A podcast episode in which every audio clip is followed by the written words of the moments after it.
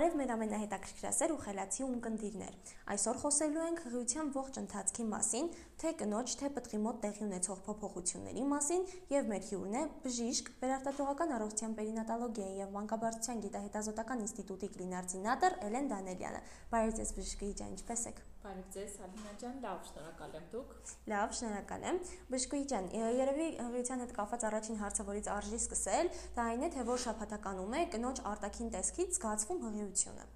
հղիության Երևալը հղի արտաքին տեսքից մի փոքր ավելի սուբյեկտիվ է, քանի որ կախված է մի քանի պատճառներից, օրինակ հղի մարմնակազմվածքից, պտղի քաշից, պտուղների քանակից, պտղաջրերի քանակից, ինչպես նաև պտղի դիրքից։ Որոշակի նաև առանձնահատկություն ունի ժառանգական նախատրամադրվածությունը, ինչպես նաև պտղի հղի որովայնի առաջային պատի մկանների առանցքականությունը, հա, ինչքան մկանները ավելի առանցքական են, այնքան ավելի շուտ է երևում։ Սակայն մոտավորապես 12-ից 16 շաբաթական արդեն հղի արտաքին տեսքից կարելի է եզրակացնել նրա հղիության մասին։ Հղիության որ երամսյակում ինչ աստիճանի ֆիզիկական ակտիվություն է թույլատրելի եւ ցանկալի հղիին։ Ահա ֆիզիկական ակտիվությունը հղիության ժամանակ բավական խրախուսելի է, քանի որ արյան շրջանառությունն է լավանում, որը պտղին մատակարարում է սննդանյութերով, ինչպես նաև հագեցնում է հա արյունը թթվածնով։ Սակայն այս դեպքում եւս խիստ անհատական է, քանի որ հղիության ամբողջ ժամկետում չի կարող ֆիզիկական ակտիվությունը նույնը լինել եւ երկու հղին տարբեր հղիների մոտ չի կարող նույն ֆիզիկական ակտիվությունը լինել կապված են նաև հղի նախկինում ունեցած ֆիզիկական ակտիվությունից, ինչպես նաև հղիության տվյալ ժամկետում հղի եւ պտղի վիճակից։ Հիմնականում, սակայն բոլորի համար երևի թե խրախուսելի է քայլքը, հղիության առաջին իսկ շաբաթներից սկսած լողը, եթե նախկինում կինը զբաղվել է այլ ավելի լավ լողը, ինչպես նաև թեթև մարմնամարզությունները։ Հղիության ընթացքում պետք է զերծ մնալ ծանր ֆիզիկական ակտիվությունից, ինչպես նաև այնպիսի վարժություններից, որոնք կարող են օրինակ վտանգ, որոնք իրենց մեջ վտանգ են պարունակում հղի ընկնելով կամ ցնցումներով, բնականաբար նաև պետք է պտղի վիճակը հաշվի առնել։ Հղիության յուրաքանչյուր երամսյակում կնոջ մոտ դիտվող սիմպտոմները, որոնք ֆիզիոլոգիական են, այսինքն նորմալ են։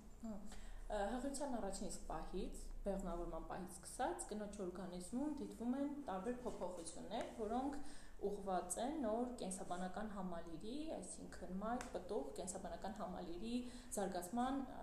համար, Այս դեպքում հենց առաջին իսկ օրվանից փոփոխությունները լինում են, սակայն դրանք այդքան նկատելի չեն հենց սկզբից։ Հիմնական փոփոխությունները հորմոնալ բնույթի են, պրոգեստերոնի, էստրոգենների ազդեցությամբ են տեղի ունենում եւ կան մի շարք այսպես կոչված հա ճակերտավոր ախտաբանական փոփոխություններ, որոնք հղիներին վախեցնում են, սակայն նորմալ են հղիության ընթացքում։ Հիմնականում հղիներին վախացնող առաջին նույնիսկ միջև հղիություն դա ավելորդ քաշն է, որ հղիները վախենում են ավելորդ քաշիկ, սակայն բնականաբար պտուղաճում է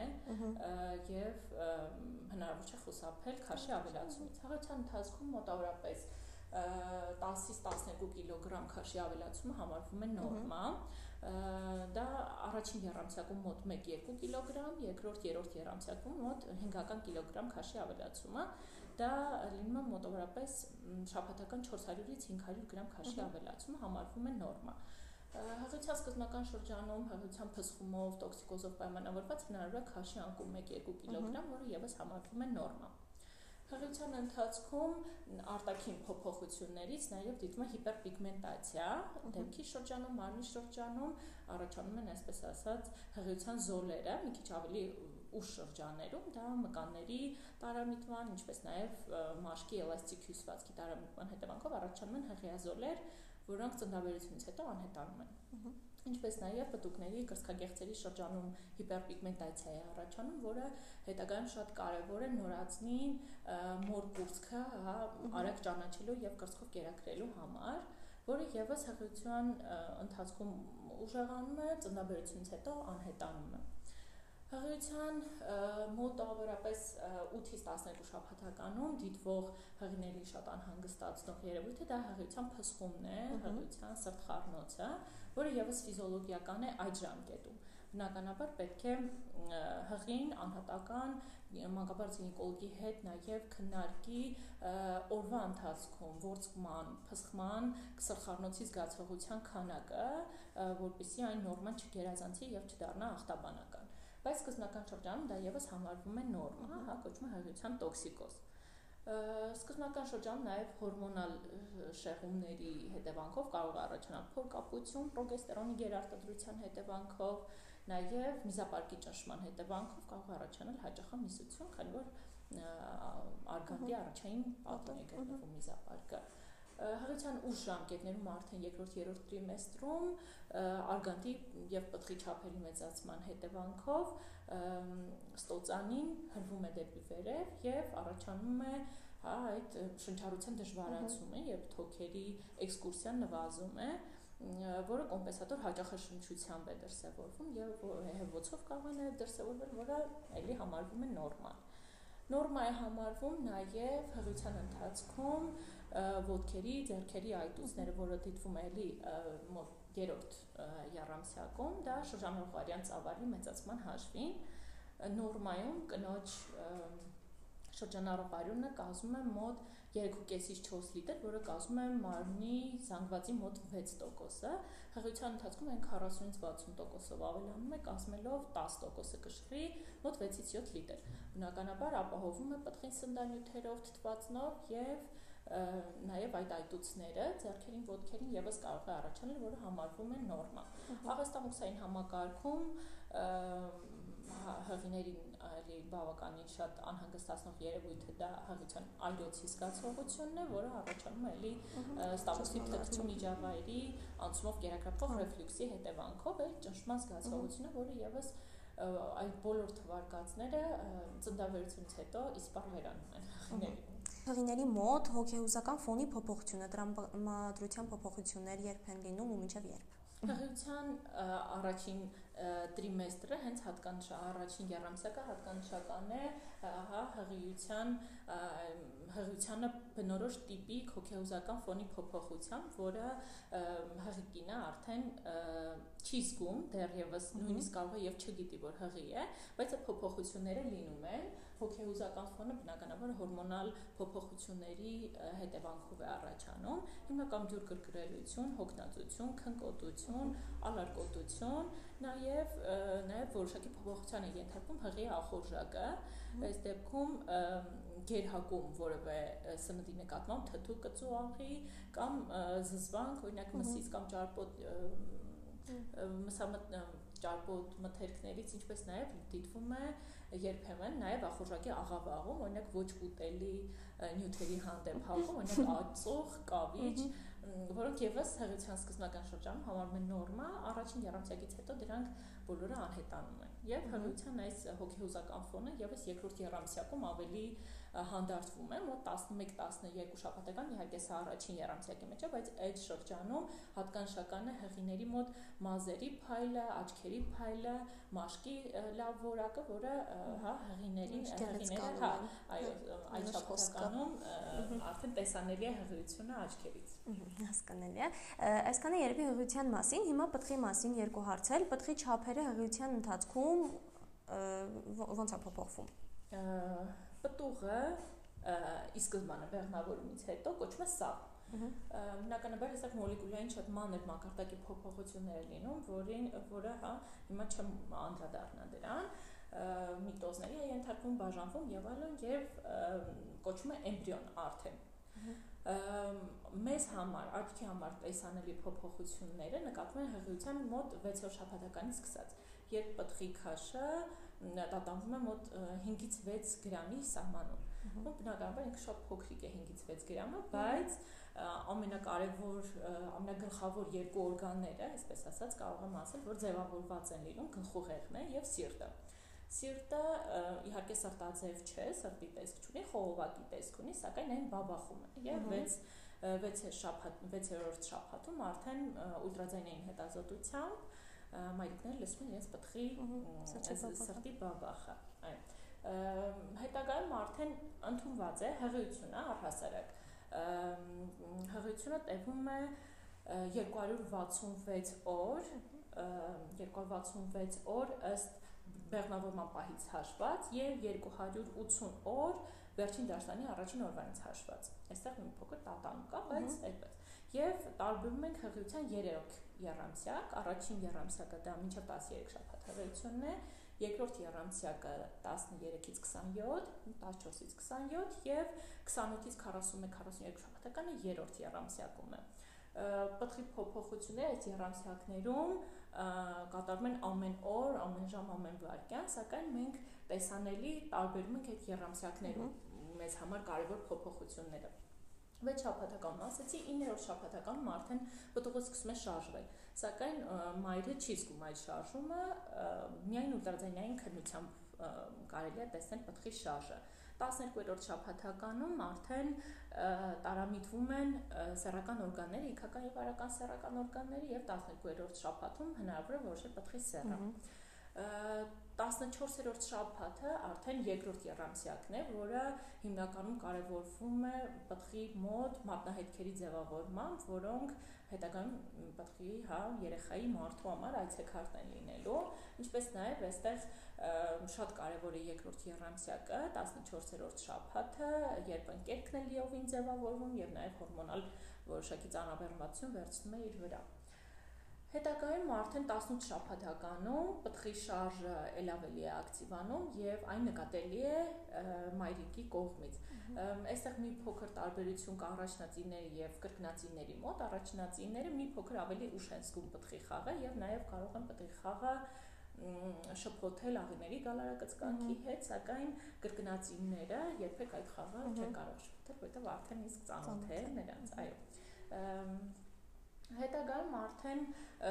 պտղի արդեն բոլոր օրգան համակարգերը ձևավորված են, սակայն սկսում են աճել, զարգանալ, փոփոխությունների ենթարկվել 24-րդ շաբաթում ուլտրադայնային հետազոտությամբ մենք կարող ենք տեսել պտղի դեմքը, դիմագծերը լիովին ձևավորված եւ այն տեսքը կունենա պտուղը այս ժամկետում, ինչպես որ ծնվելուց հետո բնականաբար թարթիչներ, մազեր եւ այլն դրանք կխտանան, բայց դիմագծերը նույնն են այստեղ 31 շաբաթը կարևոր է թոքերի հասունացման առումով, երբ ալվեոլար բջիջներում էպիթելիար հյուսվածք է առաջանում, որոնք արտադրում են սուրֆակտատ, որը պատում է ներքին թոքերի ներքին մակերեսը եւ կանխում է թոքերը սմքելուց, հա, եւ այս դեպքում արդեն Ինչն է կարևոր, որ պտուղը մինչև 31 շաբաթական ժամկետը չի կարող ինքնուրույն շնչել եւ այս ժամկետում ծնվածները, հա, մինչև 37 շաբաթական ծննդաբերություն կոչվում է վաղաժամ ծննդաբերություն եւ անհաս պտուղ այսինքն հավելյալ շնչական օգնություն է պետք պտղին սակայն 31 շաբաթականից հետո արդեն պտուղը շնչում է ինքնուրույն 36 շաբաթը արդեն ձևավորվում է եւ 37 շաբաթից հետո պտուղը լիովին ձևավորված է եւ 37 շաբաթից հետո ծննդաբերությունը կոչվում է ժամկետային, պտուղը կոչվում է հասուն պտուղ։ Կշռում է մոտ 2600-ից 2700 գրամ, իհարկե բնականաբար սա էլի անհատական է, սակայն մոտ մաս այս կշիռը կազմում է 2600-ից 2700 գրամ։ Հղիությունը կարող է ձգվել մինչև 41-42 շաբաթական, եւ պտուղը որոշի, որ բալիկը որոշի, որ պետք է լույս աշխարհը։ Բոլորս էլ գիտենք, որ միշտ մոր ու պտղի միջև, հետագայում էլ արդեն երեխայի միջև միշտ առանձնահատուկ կապ է լինում, երբ է սկսում ձևավորվել հղիության ընթացքում այդ կապը կամ ուրիշ ձև ասած, երբ է սկսում պտուղը զգալ։ Ըստ իս սուբյեկտիվ կարծիքով հղիության հենց առաջին իսկ պահից այդ կապը ստեղծվում է, քանի որ պտուղը գիտակցաբար ամրանում է մոր օրգանիզմին եւ նա այդ միջավայրը իր համար այդ տաքուկ միջավայրը ի սկզբանե գտնում է եւ ամրանում է մոր ու հա իհարկե արգանդին, բայց կարելի ասել, որ այդ միջավայրը նա ի սկզբանե հարազատ է իրեն համարում Հղիության արդեն 5-6 շաբաթականներում պտուղը որպես այդպեսին գիտական հոդվածներ կան, որ առաջանում է այդ կապը մոր եւ պտղի միջև, իսկ հղիության արդեն 12-13 շաբաթական ժամկետում պտուղը արդեն լսում է եւ ոչ միայն տարբերակում է հետագայում նաեւ իր մայրիկի հայրիկի ձայները, նաեւ շրջապատում այլ ձայներ եւ կա նաև այսպիսի գիտական հոդվածներ, որ պտղի նաև ճաշակը կարելի է ձևավորել հղիության ընթացքում, երաժշտության կամ որևէ նախասիրություններ պտղի մոտ առաջացնել հղիության ընթացքում, որովհետև արդեն սկսում է լսել։ Իսկ կարծում եմ մոր մոտ մայրական բնազդը, այսպես ասած, առաջանում է հղիության ընթացքում, սակայն իր գագաթնակետին հասնում է ծննդաբերության ընթացքում, այն այն պահին, երբ իր կրծքի վրա արդեն դիմավորում է իր բալիկին, այս դեպքում նաև բացի գիտակցական հա պահից գոյություն ունի նաև ոչ պայմանական ռեֆլեքսներ, ինչպես նաև հորմոնալ կոմպոնենտ գոյություն ունի օքսիտոցինը, որի արտազատման արդյունքում նաև այդ կապը ել ավելի է առաջանում եւ դրա համար նաև խրախուսելի է պտղին առաջին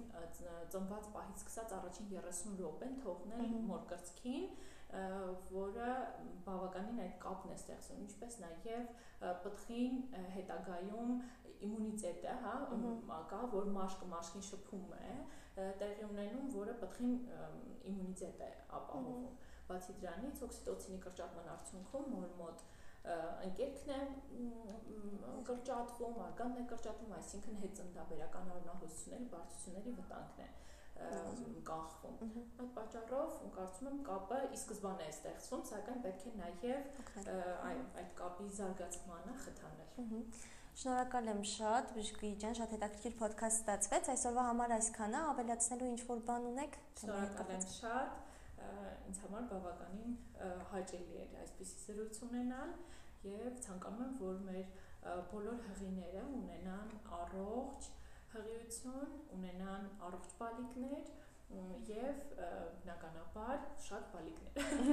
Շնորհակալություն շատ։ Այսօրվա համար այսքանը, իսկ հղիության պլանավորման հետ կապված կամ պտղի առաջին օրերից նրա հետ կապված խնամք եւ այլն այլ մանրամասների հետ կապված այլ ոդքասթներ մենք ունենք մի քանի ոդքասթ առաջ, կարող եք նաեւ դրանք լսել։ Շնորհակալություն այսօր այսքանը, հաջողություն։